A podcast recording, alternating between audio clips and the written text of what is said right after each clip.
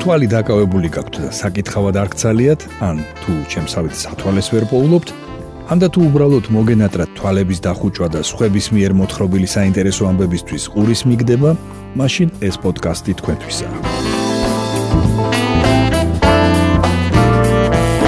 გამარჯობა. თქვენ უსმენთ რადიო თავისუფლების პოდკასტს მოლაპარაკე ტექსტებს. მოლაპარაკე ტექსტებს. მე ბიძინა რამიშვილი გახლავართ. აქ მოქმედი პირები არიან ტექსტები, რომლებსაც რადიო თავისუფლების ვებსაიტზე ვარჩევ თქვენთვის კვირაში ერთხელ და მათ მოსათხრობ ამბებად ვაქცევ ხოლმე.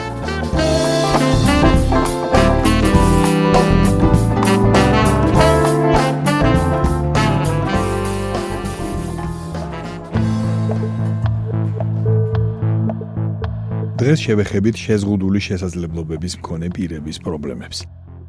ვისაუბრებთ იტალიელი რეჟისორის ნანი მორეტის ერთ ფილმზე. მოგითხრობთ შავი პარასკევის შესახებ.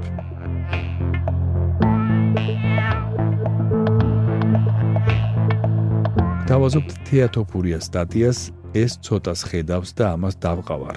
შშმ პირები პერსონალურ ასისტენტს მოითხოვენ. 3 დეკემბერს შეზღუდული შესაძლებლობების პირთა საერთაშორისო დღე აღინიშნა. შშმ პირებმა თბილისში რუსთაველის გამზირზე მსვლელობა მოაწყვეს და მოითხოვეს მათი პირობები ისე გაუმჯობესდეს, რომ დამოუკიდებლად ცხოვრება შეძლონ. ტოტალური უსინათლო ვარ. როგორ ფიქრობთ, ორნაბიჯს გადავდგამ პერსონალური ასისტენტის გარეშე? აგერ ეს ცოტას ხედავს და ამას დავყავარ. ფრიდონ ლობჟანიძე მიგვითითებს გვერდით მდგომზე, რომელიც მცირე მხედველია და ისევე სჭირდება მოვლა როგორც იმ ადამიანს, რომელსაც ახლა სიარულში ეხმარება. დამოუკიდებელი ცხოვრება. ეს იყო ძირითადი გზავნილი, რომლითაც შშმ პირები ხელისუფლებას მიმართავდნენ. ისინი ეთხოვდნენ საქართველოსი პერსონალური ასისტენტის პროგრამა დაინერგოს. სწორედ ასისტენტი შეითავსებდა იმ ფუნქციებს, რომლებიც დღეს ახლობლებს აქვთ გადანაწილებული, ანუ დაეხმარებოდა ქუჩაში, სიარულში, თავის მოვლაში, სხვებთან ურთიერთობაში და ასე შემდეგ. ანა ხაჭაპურიძე უსინათლოა. აქციაზე დედასთან ერთად მივიდა. მსვლელობისას სწორედ ის უკარნახებდა სად იყო გზა და სად ტროტუარი. სახლში კიდევ ერთი უსინათლო დაახყავს. ისიც აქტივისტი, მაგრამ აქციაზე წამოსვლა დღეს ვერ მოახერხა, რადგან დედა ორივეს ვერ მიხედავდა. ორი უსინათლო შვილით აქ ვერ ვივლიდი. ასისტენტი რომ ყოლოდა ეს ხომ არ მოხდებოდა თქვა მან. ანა ყვება რომ ფერები ჯერ კიდევ ახსოვს, საკუთარი გარდერობით იცის და ასისტენტის გარეშეც ჩაიცომს. ასისტენტი სჭირდება იმისთვის რომ უკვე ჩაცმულმა სახლიდან გამოსვლაც შეძლოს. ამას მარტო ვერ ახერხებს. ჯერ ერთი ქუჩებია მოუწყობელი და მეორეც ეშინია მაწანწალა ძაღლების, რომლებიც შეიძლება მის ხელჯოხზე გაღიზიანდნენ. ანას დედა ელენე პაიჭაძე ამბობს, რომ შვილების მომავალზე ისედაც მუდმივად დარდობდა. პანდემიის დროს კი ყველაფერი ორმაგად სანერვიულო გაუხდა. ახლა ყველაფერი მშობლების ზურგზე გადადის. საშინელი გზნობა, როცა ფიქრობ, მე რომ არ ვიქნები ამათ მერე რა მოუვათო. აქციაზე შეშმოპირები მოითხოვდნენ სოციალური პაკეტის გაზრდასაც და სარეაბილიტაციო პროგრამებსაც. რომლებიც მათი თქმით ახლა მხოლოდ 18 წლამდე პირებისთვის არის ხელმისაწვდომი. თორნიკე კუსიანი, წარმომადგენელი ორგანიზაციისა ცვლილებები თანაბარი უფლებებისთვის, ამბობს, რომ შშმ პირს შესაძლოა ბანკში ანგარიშიც კი არ გაუხსნან, თუ დედა არ მიიყვანა.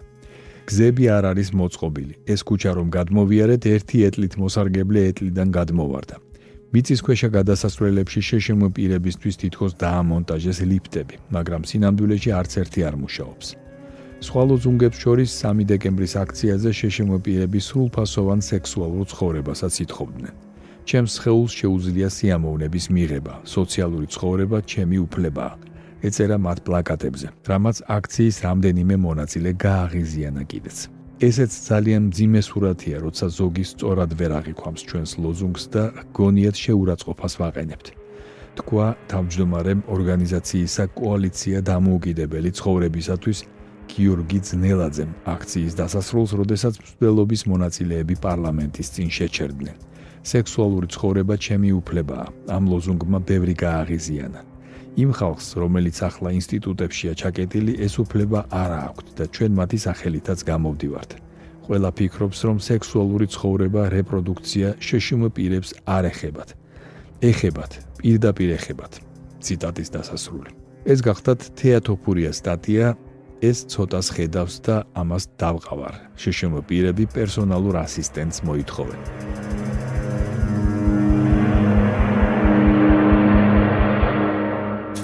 თქვენ უსმენთ პოდკასტს მოლაპარაკე ტექსტებს.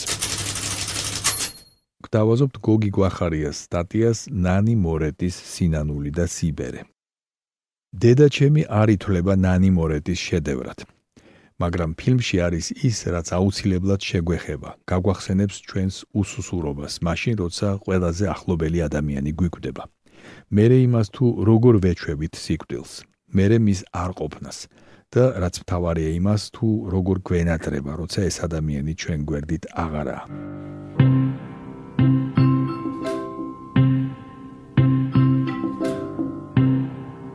ისეთი შტაბეჭდილება რჩება, რომ მორეტის, რომელმაც სურათი გარდაცვლილ დედას მიუძღვნა, ამიტომ თავარი გმირი, კინორეჟისორი მარიანა სწორედაც რომ თავად ნანი მორეტია, სინდისი აწუხებს. რაღაც მოუნელებელ დარც ატარებს დედის გამო.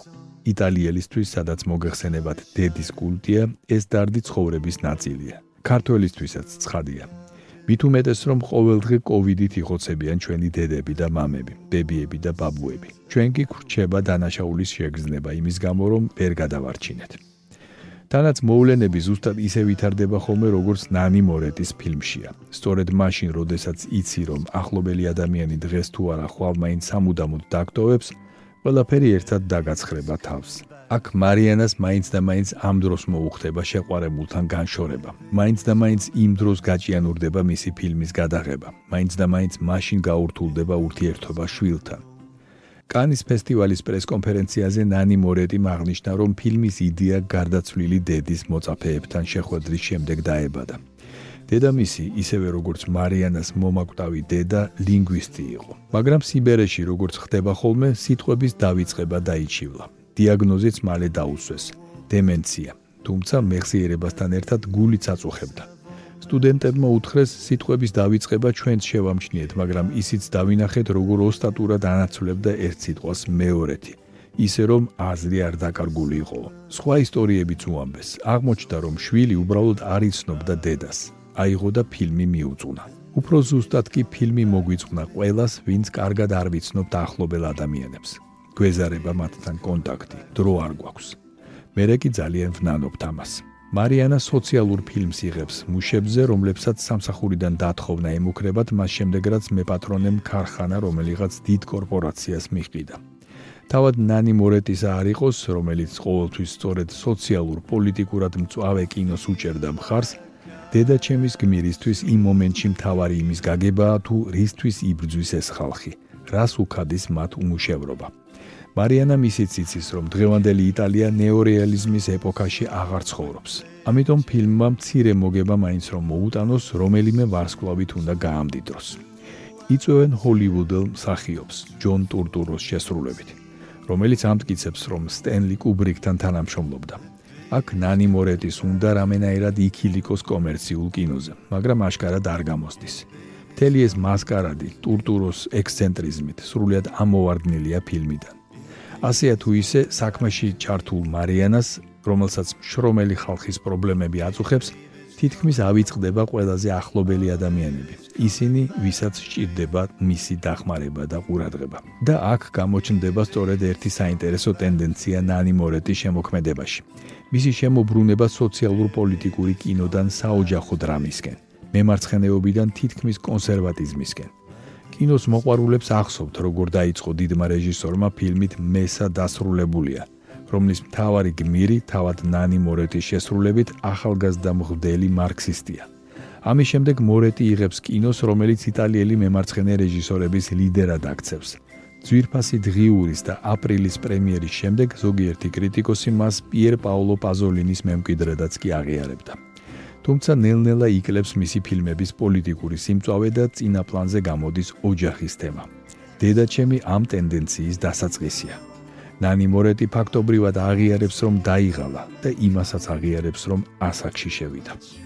ხოდა ძალიან საყვარელია სწორედ ამ აღიარების გამო. რეჟისორი, რომელიც იმედია კიდევ დიდხანს გაგვაცინებს და გვატირებს. ერთდროულად ძალიან ბუნებრივი და ძალიან არტისტული ნანი მორეტი.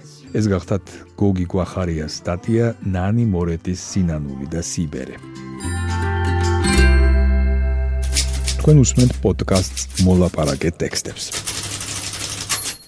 თავაზობთ სანდრო გვინდაძის სტატიას 800 ლარიანი ბოტასები განვადებით. არც ისე შავი, შავი პარასკევი. შავი პარასკევი გრანდიოზული ფასტაკლებების და ისეთი რამეების ყიდვის დღეა, რაზეც სხვა დროს ხელი არ მიგიწვდებათ. თუმცა არსებობს საპირისპირო მოსაზრებაც. ფასტაკლებები არც ისე გრანდიოზულია, თქვენ კი ბოლოს იმას ყიდულობთ, რაც არ გჭირდებათ. და არის შავი პარასკევი. ეს ნოემბრის ბოლო პარასკევია, შეერთებული შტატების ეროვნული დღესასწაულის მადლიერების დღის მომდევნო დღე. ნახევარ საუკუნეზე მეტია შავ პარასკევს მაღაზიები მომხმარებლებს აქციებსა და დიდ ფასტაკლებებს თავაზობენ. ყველაფერი ამერიკიდან დაიწყო, თუმცა ტერმინის წარმომავლობაზე განსხვავებული ვერსიები არსებობს. ოქსფორდის ლექსიკონის თანახმად მას დიდ ბრიტანეთში სკოლის მოსწავლეები იყენებდნენ ჯერ კიდევ მე-17 საუკუნეში. პარასკევი სკოლებში გამოცდის დღე იყო და შესაბამისად შავიც. ამერიკელებს შავი პარასკევი პირველად 1869 წლის 26 სექტემბერს გაუთენდათ, როდესაც ორი კომერსანტის სპეკულაციებმა ეროვნულ ოქროს ბირჟაზე პანიკა გამოიწვია.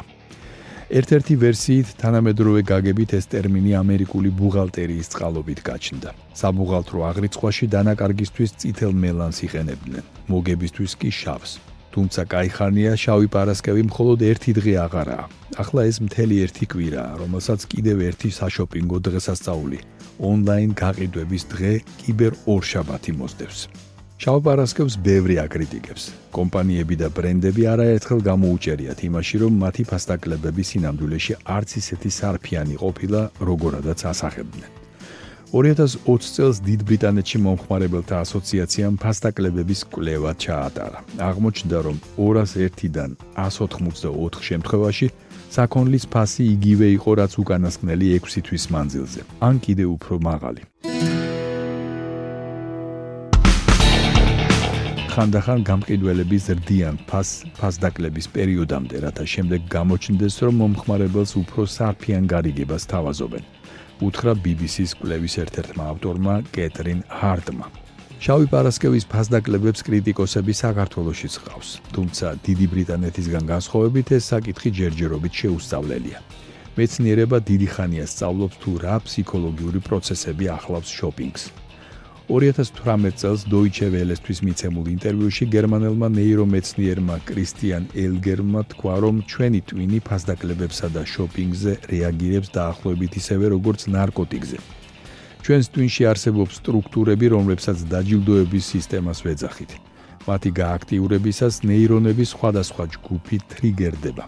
ეს სასიამოვნო განცდას იწვევს.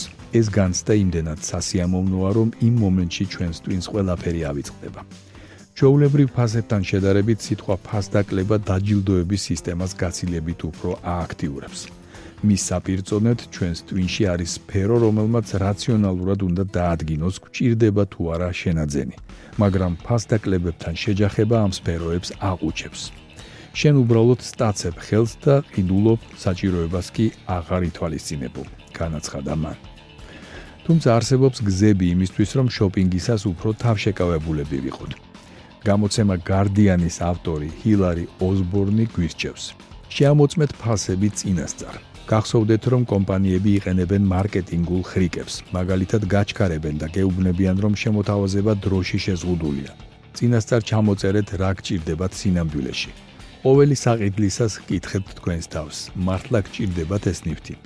გაარკვიეთ დაბრუნება გადაცვლის ამბავი. გათიშეთ ყველა SMS-ი და მეილი, რომელიც ფასდაკლებას გთავაზობთ. გაუკეთეთ თქვენს თავს 100%-იანი ფასდაკლება და არაფერი არ იყიდოთ. ეს გახდათ სანდრო გვინდაძის სტატია 800 ლარიანი ბოტასები განვადებით. არც ისე შავი, შავი პარასკევი.